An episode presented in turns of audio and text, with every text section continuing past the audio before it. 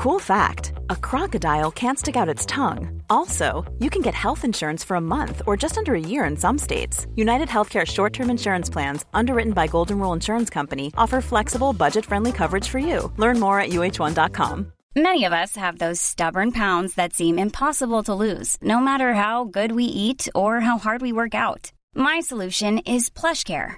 PlushCare is a leading telehealth provider with doctors who are there for you day and night to partner with you in your weight loss journey. They can prescribe FDA-approved weight loss medications like Wagovi and Zepbound for those who qualify. Plus, they accept most insurance plans. To get started, visit plushcare.com slash weight loss. That's plushcare.com slash weight loss.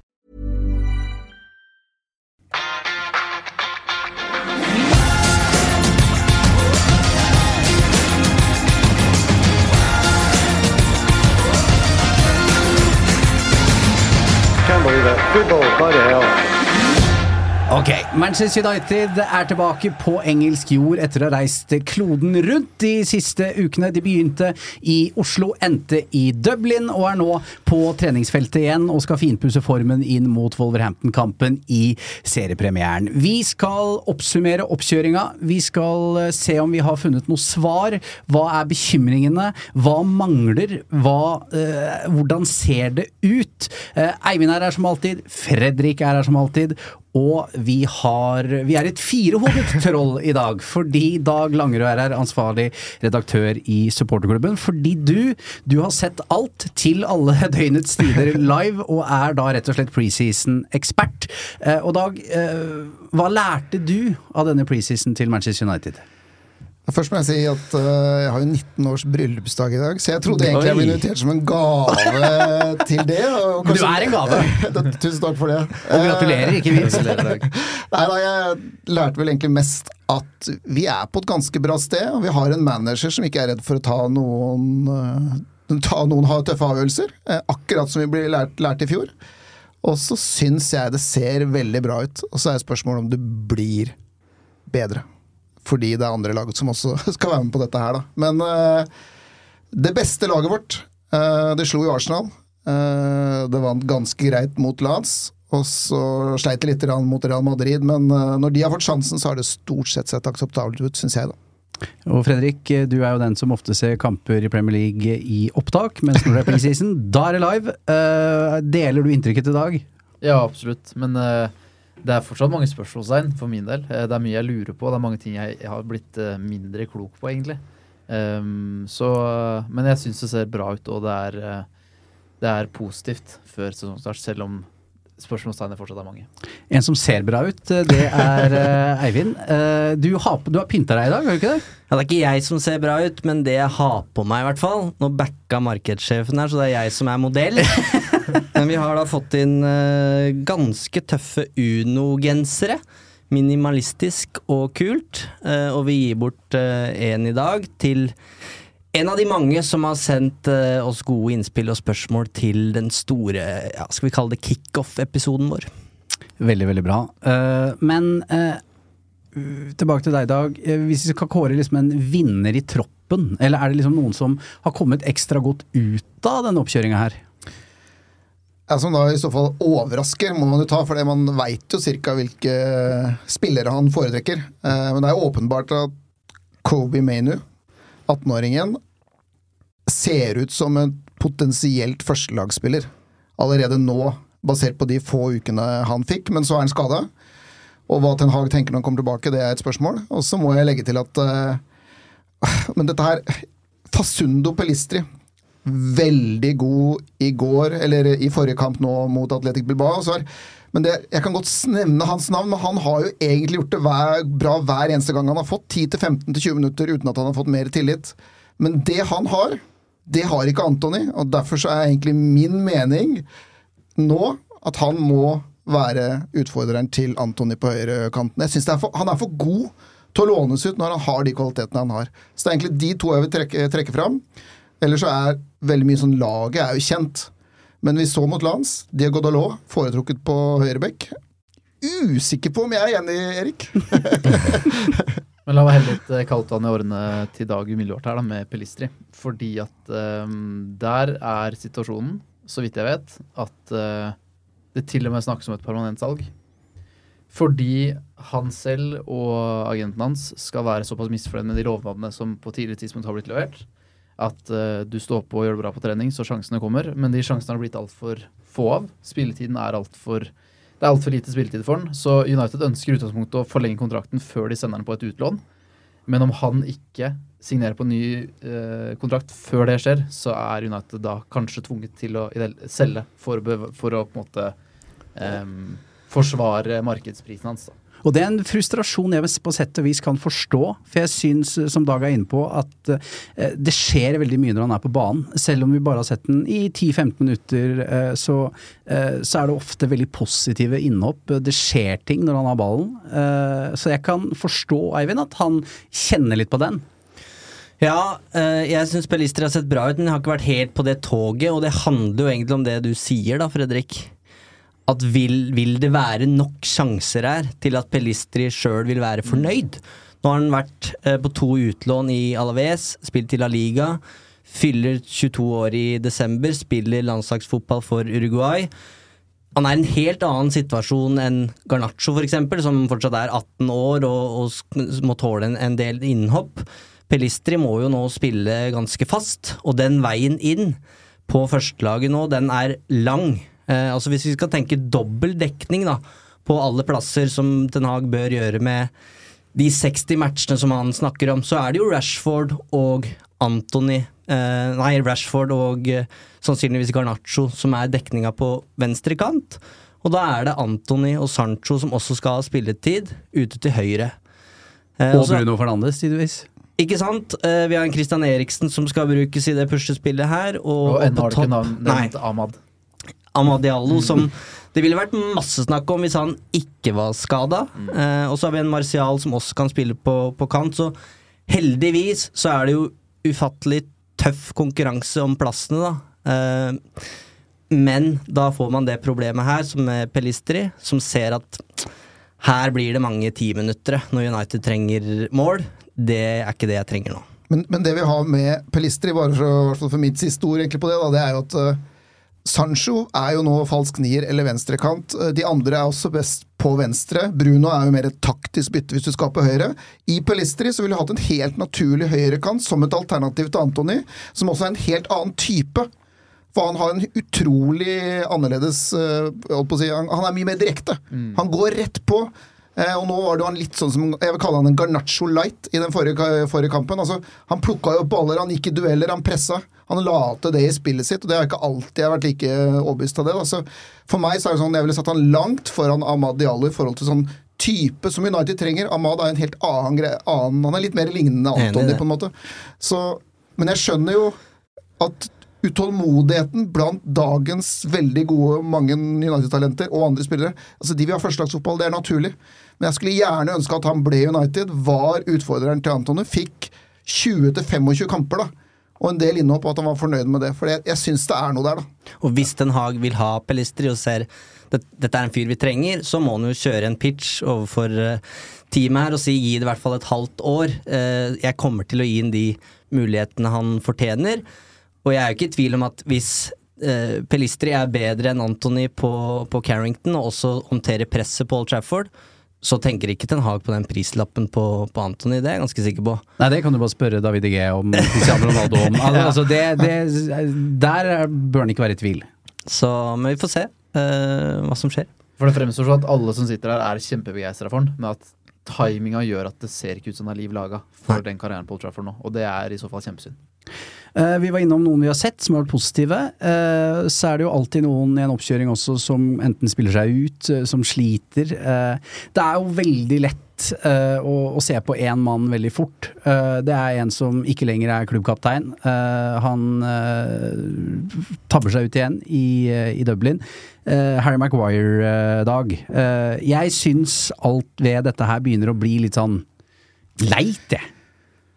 Ja, jeg satt jo og satte spillebørs på den, eh, denne kampen i går, og, og jeg prøver, uansett hva folk mener, å begynne på null. På en måte Ikke null, men på terninger på seks da, til hver kamp. Men det, det er så uvørent, er ordet jeg bare eh, så skreller bort alt. Det er så uvørent. Eh, det blir feil. det, Han skaper, eller sprer utrygghet, og ikke den tryggheten han burde i den rollen han har, og i den posisjonen han er, og den Altså Som landslagsspiller med den erfaringa, han burde jo på en måte stått for noe helt annet i den United-troppen her, da. Og det bare, Hver gang han er på banen, så føler jeg dessverre, med noen få unntak, at det bare forsterkes negativiteten. Eh, så, så kan jeg godt si at jeg, jeg kan godt leve med at han er nummer fire eller fem hvis United ikke finner noen eh, å selge han til, men det er jo det er på en måte over. Og så er spørsmålet når sluttstreken settes, er på en måte min følelse her. da. For det, jeg synes, ja, for det er jo at, eh, som Dag sier, at eh, han kan leve med at eh, Harry Maguire er fjerde- eller femtevalg i Manchester United, men det jeg ikke fatter, er at Harry Maguire selv tilsynelatende kan svelge dette her. Og du snakker om sluttstrek, og det er jo naturlig å tenke at når han da ikke får være kaptein heller i de to matchene som han spiller i sommer, når, når Bruno ikke er på banen, så er det også et tydelig signal fra trener om at du, du er langt bak i rekka her. Um, og det er, det er vanskelig å forstå. England skal spille EM neste sommer. Maguire er nødt til å spille. Han har fått tydelige signaler på nå på at det kommer du ikke til å gjøre. Um, Det var så trist. hvem veit? Ja, det var trist hele greia. Så får han heldigvis den oppturen, da, med at det er han som header ned den, eh, så at han får en mållinje. Men, men det hjelper jo ingenting i hans situasjon. Han, han blir bua ut i uh, preseason sin siste kamp der.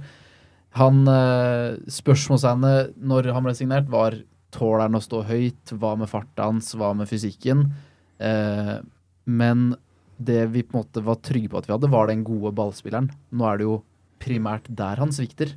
Han gir jo bort skåringer oftere og oftere på at han gjør feil med ball. Det er jo det som måtte var forsen hans. Så hva er han god på nå? Han er inne i en sånn vanvittig ond sirkel. da. Alt går imot. Så dette, dette går ikke lenger. Det skumleste, og da tenker jeg på sesongen som kommer, er at Rafael Varan kommer ikke til å klare to kamper i uka. Han kommer til å belastes forsiktig av Erik Den Haag. Og hvem er backupen egentlig som høyre midtstopper? Det var forrige sesong Harry Maguire. Og derfor så er det en av mange spørsmålstegn jeg har sjøl rundt United. da. Vi, det virker ikke nå som om man skulle gå til 15-20 kamper i, av 50-60 kamper totalt med Harry Maguire er en god løsning for Manchester United. Så var det en endring da mot slutten av sesongen, hvor eh, Lindløv tydelig var foran Macquarie i køen på slutten her.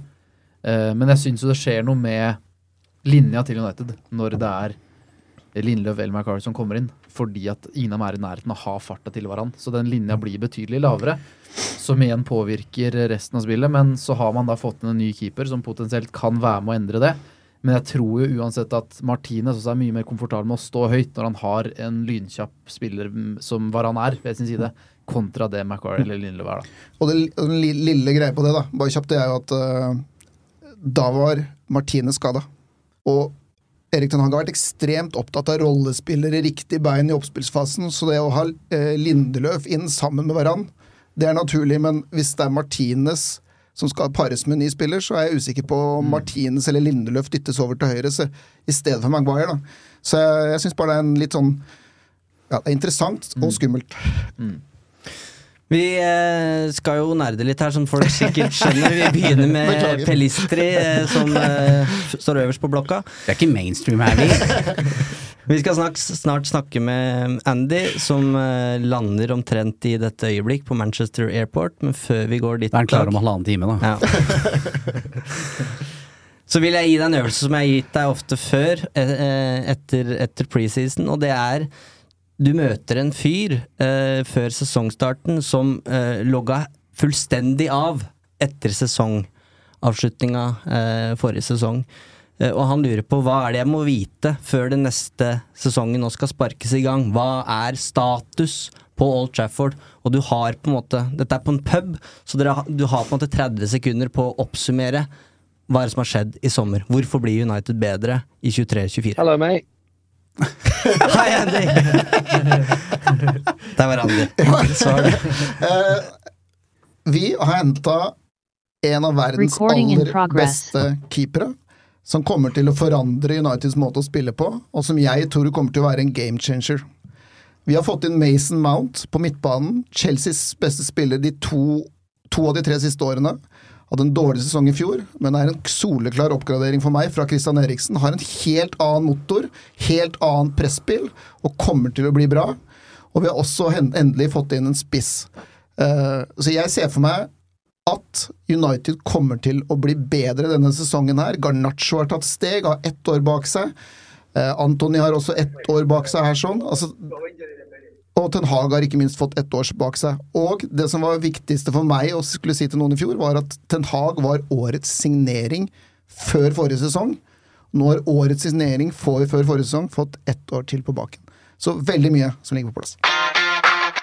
Uh, okay, Andy, uh, just like United, you're back in uh, Manchester. You've been landing on the best airport in the world. Uh, so in two hours' time, you're back in city centre, I hope. Uh, but uh, how has been how has been like to be on tour with United this summer? I've really enjoyed it. Manchester United have played in some amazing cities, not just Oslo, New York, San Diego, uh, Las Vegas. I travelled through Los Angeles. I wouldn't describe Houston as a great city, but the stadium was fantastic. And then Dublin at the week- weekend, first time in five or six years that Manchester United have played in Dublin. I would say the support there is most comparable to to Norway. It's a United and Liverpool mad country with not a big population, but huge numbers of fans who are who are members, even season ticket holders. So I saw a lot of enthusiasm in Dublin yesterday. A lot of complaints about the team. People felt that they paid a lot of money, but actually the team was stronger than the one which played in Oslo for slightly different reasons. I feel that Eric Ten Hag is continuing to improve Manchester United. I spoke to the manager last Saturday for 32 minutes. I've spoken to several players, uh, most interestingly to Lissandro Martinez for 40 minutes, and lots of players off the record. And there is usual optimism pre-season, but I feel he continues to improve Manchester United. I'm satisfied with the signings. I'm glad a striker has come in. I saw Eric Ten Hag's eyes when he was talking about Rasmus Hoyland and his strength of personality. Uh, Look at you smiling because I've pronounced it incorrectly. I promise I will get the correct pronunciation with with a Copenhagen accent by the end of this month. I'm feeling pretty good about United. Uh, I think it's going to be very difficult. City is City. The other teams have strengthened. Uh, the tour's been good for for the fans. Amazing stadiums. It really, really opened my eyes to how much Old Trafford needs updating. Seeing how good some stadiums can be, seeing how much space you can get between the seats, and, and Old Trafford needs doing as a matter of urgency. The Glazers, well, they only turned up in one of them in New Jersey, even though there were provisions made for them to go to the other venues. When I spoke to Lissandro Martinez, he seemed to me as someone who's absolutely obsessed with the idea of winning everything to the point that I'm saying to him, "What? What are you sure? You really think you can win everything this season?" And he's like, "Yeah, yeah, yeah." And I've not even published that interview yet, but he's someone who is making Manchester United better. He's a winner, and if you compare the club to when Ten Hag came in, there's players who were a negative influence in that dressing room have left, and they've been replaced by players who are a positive influence. Everyone wants to know about the the sale, the future. I've not heard anything hard on that. I know there's a story in the Sun on Saturday. I know the source for that story. Uh, the person is, is well connected. But I spoke last week with someone very close to Ineos. They've not heard anything from Rain. So I don't think anything's happening imminently there. I've been really impressed by some of the people who worked for the club under the Glazers, who on the tour were turning up at fan events. I hosted some myself with people like Wes Brown. And in the corner was Colette Roach, Chief Operating Officer of Manchester United. People didn't even know who she was. One guy came up to me and said, What's happening with uh, Rasmus Hoyland? I've got it wrong again, haven't I? It's not too bad, And Andy. What he didn't know. Okay, fair enough. I'll take that. What he didn't know was that the man stood next to me was was John Murta, who was actually doing the deal.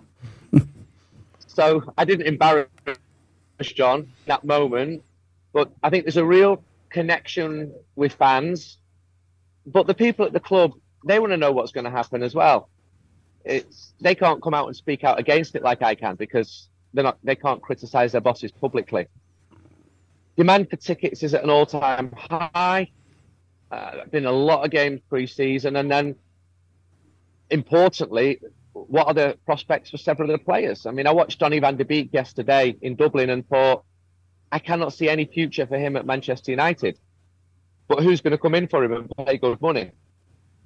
I think more signings will actually come in if United um, sell players and get tens of millions in. And people ask me all the time about Harry Maguire to the point that I ask Harry Maguire himself, and his position has not changed. He wants to stay, but you see all the time if he's not playing, how long can that go on for? He he will play for England. Gareth Southgate doesn't tend to pick players who are not playing for, for their clubs. But Andy, uh, uh, you said that you spoke to Harry Maguire himself. Uh, but why does he want to stay at Manchester United? Because he lost the captaincy. Uh, he won't play that much, uh, and he has no confidence at the moment. Why does he want to stay? Well, he's got a contract for a start, and he wants to honour that contract. And he feels that things can change quickly in football, which they can. But then he's been saying that for four, five, six months. When you're ready to pop the question, the last thing you want to do is second guess the ring. At Bluenile.com, you can design a one of a kind ring with the ease and convenience of shopping online. Choose your diamond and setting. When you find the one, you'll get it delivered right to your door. Go to Bluenile.com and use promo code LISTEN to get $50 off your purchase of $500 or more. That's code LISTEN at Bluenile.com for $50 off your purchase. Bluenile.com code LISTEN. Even when we're on a budget, we still deserve nice things. Quince is a place to scoop up stunning high end goods for 50 to 80% less than similar brands. They have buttery soft cashmere sweaters starting at $50, luxurious Italian leather bags, and so much more. Plus, Quince only works with factories that use safe, ethical, and responsible manufacturing. Get the high-end goods you'll love without the high price tag with Quince. Go to quince.com/style for free shipping and 365-day returns. Denne episoden er sponset av Hello Fresh. Nå som det drar seg mot slutten av en lang sesong, trenger vi United-supportere skikkelig næring. Med gode og ferske råvarer fra Norge gjør Hello Fresh det til en lek å lage de herligste retter fra hele verden. Du velger bare hvor mange som skal spise, og hvor mange oppskrifter du ønsker ukentlig. Så får du alle ingrediensene du trenger, levert på døra. Personlig syns jeg det beste med Hello Fresh er at du kan skreddersy din egen ukesmeny. Du kan velge fra fem forskjellige kategorier. Vegetarisk, familievennlig, rask og enkel, fisk og grønnsaker, og smaker fra hele verden. Med 25 fristende oppskrifter hver uke kan du bli like uforutsigbar på kjøkkenet som Garnaccio er på Vingen. Selv må jeg si jeg er spesielt svak for asiatisk taco og den portugisiske kyllingburgeren. Som Uno-lytter kan du få opptil 1779 kroner rabatt på de seks første matkassene dine, og gratis frakt med første leveranse. Så det er bare å komme seg inn på lowfresh.no og bruke koden FreshUnited. Dette gjelder for de som ikke har prøvd Hello Fresh ennå, og for de som tidligere har vært kunde, men som har stoppet abonnementet for minst tolv måneder siden. What could help him would not be good for Manchester United, and that would be an injury to Lissandro Martinez, Rafael Varane. But even then, Victor Lindelof and even Luke Shaw are ahead of Harry Maguire. From Harry's perspective, I think he wants to know why the club not coming out and saying, I'm not for sale? Well, they're not doing that because it's for sale, but they can't say that publicly. And if someone like West Ham came in and offered, you know, not not 20 kroners, which seems to be the way it's been at the moment, but 30, 40 million, then Manchester United would really seriously entertain that. Because as you say, where does Harry Maguire's future lie? I saw it reported yesterday that he was booed in Dublin. I was sat in the stadium in Dublin. I heard more support for him than boos. But that doesn't get traction online, does it? There were, there were a couple of jeers, but I genuinely heard more support from the Irish United fans for Harry Maguire. And, and he will get support if he plays at Old Trafford. What Harry needs is a run of games against top teams, not against lower teams at Old Trafford, but to play really well at Liverpool away. But he's just not had that chance, and at the moment, doesn't like he's going to get that chance. But uh, Andy, you've been on plenty of tours. Uh, how, how's uh, the mood been compared to the recent years? Really good, really good. I remember being in America the last time, 2018, and driving across Los Angeles to see a Jose Mourinho press conference. And you know, I don't hide who I support. I support Manchester United. I want the team to do well. And coming out of that thinking, what on earth is this guy on about? He doesn't want to be here. And four months later, he wasn't there. And I saw this time the players uh, taking the kitmen out for a night in San Diego. And Martinez saying to me, it's not just about the players here. It's the kitmen, it's the doctors, it's the sports scientists. So I genuinely think the mood is good. There are too many players there. So the players who aren't playing are always going to bring the mood down. So that reiterates the point of moving players on. I really like Ten Hag. Uh, a, a, stupid journalist called Andy Mitten said to him in New York, um, Bruno Fernandez is now manager. And that journalist got his word wrong. And Ten Hag said, Manager, what are you trying to do to me? and I realized, I thought, oh no. I said, I'm sorry, I'm thinking like in two years down the line with Bruno as a manager. And he said, well, only two years. And I said, all right, I'll give you three years. He went, only three. and then two days later, he saw me and he came up to me and said, uh, hey, hey, great question. Do you have any more for me? and I really like that for several reasons. One, it shows his humor. Two, he's thinking long term. He's not thinking to move on anytime soon. And people have said to me within the club this year, if this Glazer sale is not sorted out, we're in danger of losing the manager. And I've said that a few times. So to see him in a, a different frame of mind where the players who he wants have been brought in, I had doubts that Manchester United could do transfer business normally with all the sale process up in the air. But I'm pretty satisfied uh, with, with the signing so far. Of course, we're all optimistic and we hope that Rasmus Højlund is going to be hugely successful. And Mason Mount's going to be as good as when he was player of the year at Chelsea and Andre Onana. We're always like that. I remember, you know, name any player who's coming. I thought Shinji Kagawa was, was going to be one of the best players in Europe. It doesn't often doesn't happen. So we stand here now thinking that all of those players are going to be good. And many United fans have been saying, we need a goalkeeper who comes off his line. Well, we've certainly got one now. He came off his line at Old Trafford on Saturday and conceded a goal.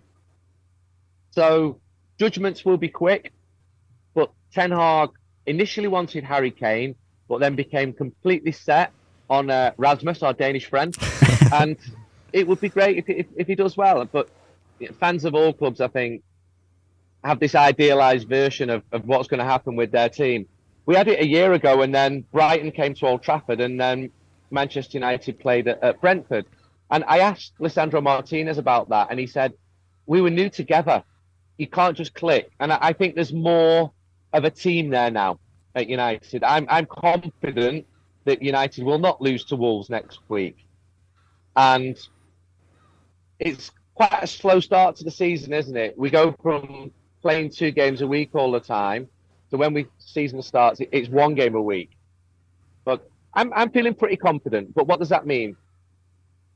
I'm not convinced that United will win the title, but I would like to see an improvement on last year. So that means second, doesn't it? It means a good run in the in the Champions League, and it means the FA Cup and not the League Cup.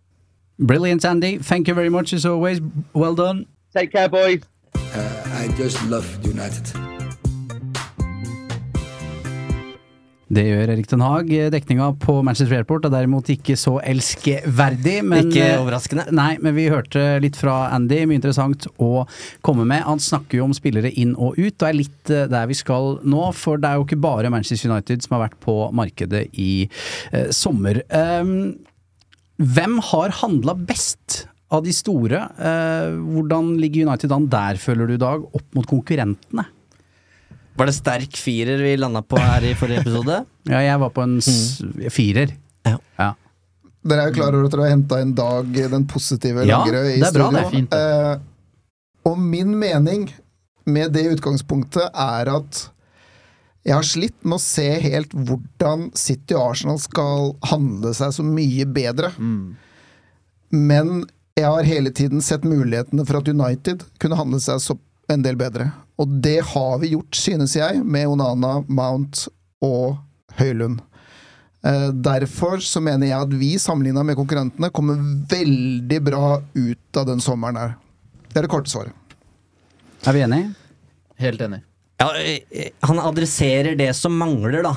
Eh, Jeg har sagt det kanskje til det kjedsommelige, men jeg tror Ten Hag etter hvert erkjente eh, at her kan jeg ikke spille den fotballen som jeg ønsker. Eh, Og for å være kanskje litt for enkel her, så handler det om å vinne ballen raskt, helt i løpet av de fem, seks, sju, åtte sekundene. Og angripe egentlig med full gass, få ballen i mål så fort som mulig. Um, og United var jo det laget i Europa forrige sesong som, uh, som nesten hadde flest eh, hva skal vi si, raske angrep. Jeg tror ikke det er snakk om kontringer, men liksom direct attacks. Eh, det eneste lag som var bedre på det, var Real Madrid. Og vi så det mot Lans, det målet til Antony der. Det er sånn trademark Ten Hag i min bok, i hvert fall. Det går så fort at det spiller nesten ingen rolle. Eh, hvor god motstanderen er, fordi det er så vanskelig å forsvare seg mot. Eh, og nå tror jeg han har flere av de brikkene han trenger for å spille den fotballen eh, som han ønsker. Eh, og som gjør at han kan spille mye mer ambisiøst enn det United gjorde forrige sesong. Og det er jo, vi har allerede nevnt Onana. Han kommer til å bli Eh, revolusjonerende, selv om starten har vært litt sånn halvveis. Eh, jeg tror Mason Mount kan bli like viktig uten ball som han er med. Eh, og som Andy sier her, det er stjerner i øya på Ten Hag når han snakker om Høylund, og det forteller meg at her er det en plan. Det er ikke, det er ikke bare en spiss uh, som, som på en måte er kjøpt fordi han er spiss, han er front man, og han har mange av de kvalitetene som, som Ten Hag ønsker. Og så glemmer vi uh, kanskje den viktigste brikken her, som sannsynligvis kommer til å fortsette å levere, og det er Bruno Fernandes. Som er ambisiøs, det er high risk, high reward, men han kommer alltid til å spille ballen framover, og vil være like viktig for det United-laget her som han har vært eh, siden han kom. Og konklusjonen min her hvert fall er at det, det er et lag som kan spille den fotballen Ten Hag vil spille. Så han har gjort tre signeringer nå, som vil sannsynligvis eh, gjøre at Manchester United spiller Ten Hag-fotball av høyere kvalitet. Og snart er jo dette her en hel Ten Hag-elver. Mm. Al altså, det nærmer seg jo det, sånn sakte, men sikkert. Hvis vi, hvis vi ser på dette fremover da med Hvis vi tenker fire sommervinduer, for å bruke det scenarioet, uh, så er det Martinez, det er Casemiro, Christian Eriksen har kommet inn. Uh, også de som har kommet i sommer med Antony i tillegg da fra i fjor. Det er uh, typer som manageren vil ha, og han har fått typene han vil ha. Øker også da forventningene våre, eller er det realisme å spore her etter ti år med ja, tøffe øyeblikk? Jo, men de øker jo uh, selvfølgelig, men så er det de fremskrittene som også ble gjort i fjor, som det er så mye å bygge videre på. Og Eivind snakker nå om hvor fort det går med Ten Hag, men vi så også så mange eksempler i fjor på at grunnspillet leda til skåringer etter langangrep også, hvor det var ballen var innom samtlige spillere på laget. Du snakka 24-25-26 pasninger. Og da trenger du også enda mer kvalitet fra det som kunne gjenskapes oftere. Det er vi i ferd med å få heller. Det har vi fått til nå i sommer. Også når vi intervjua René Eivind, så snakka han om power, pace og penetration. Mm. Det har United fått i dette vinduet her. Så det er gode grunner til at vi skal være, ha større forventninger, fordi det også Dette vokser brikke for brikke, da. Det blir Det er bare større grunner til å tro på at dette skal bli bedre og bedre. Vi fikk en forsmak i fjor, og jeg tror det er veldig mulig i takt med at han henter spillere og spilleren blir mer komfortabel med systemet hans og han får mer kvalitet, til at dette bare skal bli bedre og bedre. Men som Dag er inne på, så er det vanskelig å vite hvor bra kan det bli. Det er som små marginer. Det er så lite skal til for at de tre poengene vi fikk i fjor, blir ett poeng i år. Eh, og så er det vanskelig for City og Arsenal å forsterke seg så voldsomt, for de er allerede så gode. Så der mener jeg at det er fordelen. Men eh, ja, vi skal ha større forventninger i år enn det vi hadde i fjor. Jeg kan, hvis jeg kan si én ting, da, at det er større forventninger, men vi er fortsatt utrolig tidlig. Og, og da skal jeg trekke fram City og Liverpool som et par eksempler. City kollapsa eller Pep Guardiola kom til et City-lag som var bygd for han allerede over noen år. De kollapsa på tampen av hans første sesong. Uh, Jürgen Klopp overtok Liverpool, gjorde det ganske bra, selv om de sleit litt i serien og sånn, kom til finaler og litt sånne ting. Kollapsa etter ca. 15-16 måneder med han, plutselig to seire på tolv. Sier du nå at det blir en kollaps? Jeg bare, jeg bare sier, ting tar tid. Og det er det ikke alltid folk vil ta til seg, da, for det er liksom Høylund skal levere, sånn som Handy er inne på i, i morgen. Da. Men det, det er ikke sånn fotballen er, da. Er, så jeg er liksom litt sånn derre ro i rekken her, sånn, fordi det er ingen garanti for at det kommer til å gå rett til værs, selv om det trolig blir bedre. Og det syns jeg vi ser allerede med Mason Mount, som, som vi har sittet her i studio og snakka om som en veldig fornuftig brikke som kan gå rett inn og levere det Ten Hag vil. Men så ser vi i sommer at nei, ok, eh, her trengs det kanskje en måned eller to til med tilpasning for å skjønne rollen i systemet. Og det, det tror jeg er litt av utfordringa med Ten Hag, at han er jo veldig tydelig på spillestil, men han det er enorme krav til spillerne for å innfri de rollene de får, for det er høy, høy nivå av høy, høyt nivå, da. Mhm. Det kommer også en del to, uh, bare så det er sagt. Da skal vi gå mer inn på, på lag og tropp. Uh, nå er vi inne på temaet uh, overgangsmarked, egentlig, og vi skal ta noen spørsmål. Petter spør hvilke signeringer ville panelet ønsket seg hvis de kunne be bestemt én til? Én til, Dag. Uten, pri, uten pris eh, Ja, altså, og så tenker jeg, det må ikke nødvendigvis heller være et navn, men, men type. Like mye. Nei, altså Nei, nå skal jeg være tabloid som bare det når vi sitter her. Harry Kane skåra fire i går. Rasmus Høyland er ute de første tre ukene. Hadde vi hatt Harry Kane inne på det laget her, så tror jeg vi hadde Da tror jeg vi hadde alle begynt å tenke på ligagull.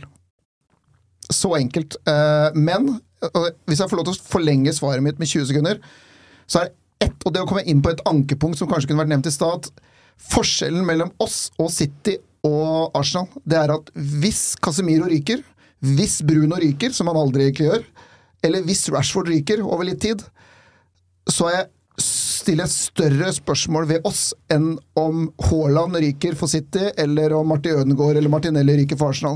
De er bedre rusta, vi er mer sårbare. og Derfor så er det også det en av grunnene til at jeg holder litt igjen. Så Da er du jo inne på de tre spillerne jeg har nevnt, så da ville det vært tre spillere som kunne gått inn for de, da, som jeg ville funnet fram til. For det har vi også vært innom flere ganger, gutter. eh, At fornuftige signeringer eh, Vi forstår hvor manageren vil, men du mangler kanskje den ene jævelen, Kane, da, som, mm. som Dag nevner her. En, den som resten av troppen ser seg rundt i garderoben og tenker 'dæven, her er du'. Ja, det er, det er jo Harry Kane. Det er jo det. Men jeg syns det er interessant. Mark Ogden skriver i ESPN i dag at eh, det var to grunner til at United ikke gikk for Harry Kane. Eh, og dette var på et tidlig stadium i sommer. Eh, den første var at de ønska ikke noe saga med, med Levi, som, det er noe, som Bayern München nå er inne i. Og vet alt om.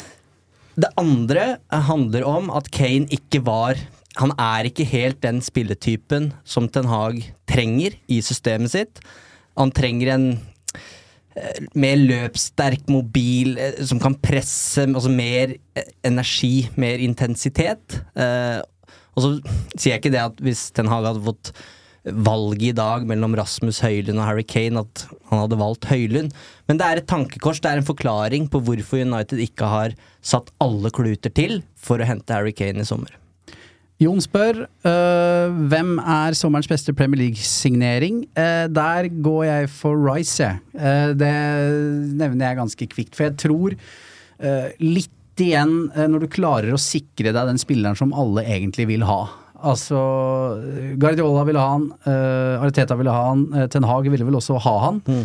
Eh, og det er en statement-signering uh, fra Arsenal. Uh, det, det, det viser at de mener alvor. eh, at de ikke skal være noe blaff. De skal inn og vinne ligaen denne sesongen her. Det er eh, tanken på The Emirates. Eh, så eh, jeg syns han fremstår eh, som den signeringen. Ikke nødvendigvis at han kommer til å stå igjen som den beste, men den som sender ut sterke signaler, da. Enig. og det, Vi snakker jo om at du investerer i fremtida med Høylund, og det er jo på en måte det Arsenal også gjør. Eh, selv om Declan Rice er på et enda høyere nivå enn det Høylund er nå, selvfølgelig, så vil de potensielt her sitte med en fremtidig landslagskaptein, kanskje. En som kan styre på midten der i, i ti år til, hvis han eh, har bein til det. Så det er en, som du sier, eh, Jon Martin, det er et, en statement til de andre om at vi, og spesielt siden det er Arsenal som ikke pleier å bruke penger, så er det en, de, de tror virkelig like mye på Arteta som det vi gjør på Ten Hag, og de har tenkt til å vise at det Her blir det tittelkamp også i, i år. For det, den signeringen der er jeg så er jeg, Dere vet jo det. Jeg er så misunnelig. Er Gråter dine modige tårer. Ja, for det gjør jeg. Men uh, jeg trøster meg litt med at Nå begynner jeg å få krampe her. Uh, jeg trøster meg litt med at han har fått en litt sånn treig start, men det er noe med tilstedeværelsen og spillertypen han er, som Mm. vi vet bare at det blir, det blir veldig bra. Det jeg har en sånn kanskje lite naivt håp om, er at Onana får bedre United nå i første gang, enda mer enn det Rice får gjort med Arsenal, fordi Arsenal allerede er så langt framme i skoa. Så det er mitt håp, at Onana kan blande seg i den diskusjonen om hvem som blir det beste kjøpet i Premier League denne sommeren. Fordi at United kommer til å bli så mye bedre med han bak der enn det, enn det de har vært. Og- og- Ja, da tok du jo hele mitt poeng her, da. For jeg vil også si at eh, Thomas Party er eh, en litt dårligere utgave av Declan Rice. Så han er en oppgradering, men Onana er en game changer. Da. Og det håper jeg, og derfor så vil jeg nesten si med mitt utgangspunkt at vi har den beste signeringa, altså. For å koble Rice til det forrige spørsmålet, da, om det, om det kommer en til, og det tror jeg det gjør. Eh, og så får vi se hvor, hvor mange salg det blir, og hvor stor pott man da kan bruke. Eh, men det dukker jo alltid opp muligheter mot slutten av et overgangsvindu. Og nå Hva er det du ler av, Fredrik? At jeg, har kramper i låret. Du starter ikke mot Wolverhampton. Det er det eneste som er sikkert. Chouameni nevnes. Eh, jeg syns jo det hadde vært en Det er kanskje ikke på midtbanen det nå er eh, hvor det, det, er mest uh, sterkest krav om, om en ny spiller, men Chouameni ville vært en eh, veldig, veldig spennende signering å hente til Old Trafford. Og jeg kan da synes jo han er nesten litt for vill å tenke på, fordi han er jo en 100-millionerspiller. Så jeg har egentlig kunne sagt i stad også Leon Goretzka fra Bayern som et alternativ til Casemiro. Så når han blir utvist i to kamper, så har vi Goretzka som også kan være en som Det hadde vært en bra løsning, for han er også tilgjengelig, tror jeg. Det er sånn jeg har tenkt. Skal vi dele ut en genser, Eivind? Eh, Og da står det da mellom Petter og Jon. ja, det, Det er, det. det er selvfølgelig fristende for meg å gå for en navnebror. Vi må ta det i del to, for der er det masse spørsmål. Så oh, ja, vi må ha vi litt det Skjønner. for de to som fikk spørsmåla i del Og vi har jo, vi har jo flere enn én genser, Eivind. Skal ikke de få en disse òg? Sagt er sagt, så da Ja. blir det mellom Petter og Jon, da. Ja, og da Jeg syns Du, vet hva? Du skal få lov inn til Jon Martin. Egentlig Jon, Jone. Ja, det er barnslig, Petter. Unnskyld. Unnskyld, men det blir, det blir Jon, min navnebror. Eh, tusen takk eh, til eh, alle tre. Nå kommer vi bare til å få spørsmål fra Jon her. eh, Ja, ja, ja, heretter, ja. Da vinner du, garantert. Så legg på, legg på et Jon foran det du egentlig heter, og du er sikra nydelige plagg fra oss. Tusen takk for at du hørte på denne. Vi kommer med en del to. Vi skal se mer fremover, svare på spørsmål fra dere. Takk for at du har hørt på Uno. Vi høres igjen snart.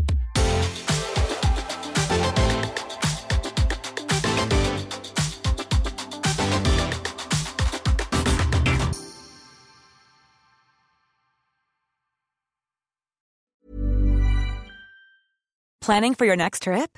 Elevate your travel style with Quince. Quince has all the jet setting essentials you'll want for your next getaway, like European linen, premium luggage options, buttery soft Italian leather bags, and so much more. And is all priced at 50 to 80% less than similar brands. Plus, Quince only works with factories that use safe and ethical manufacturing practices.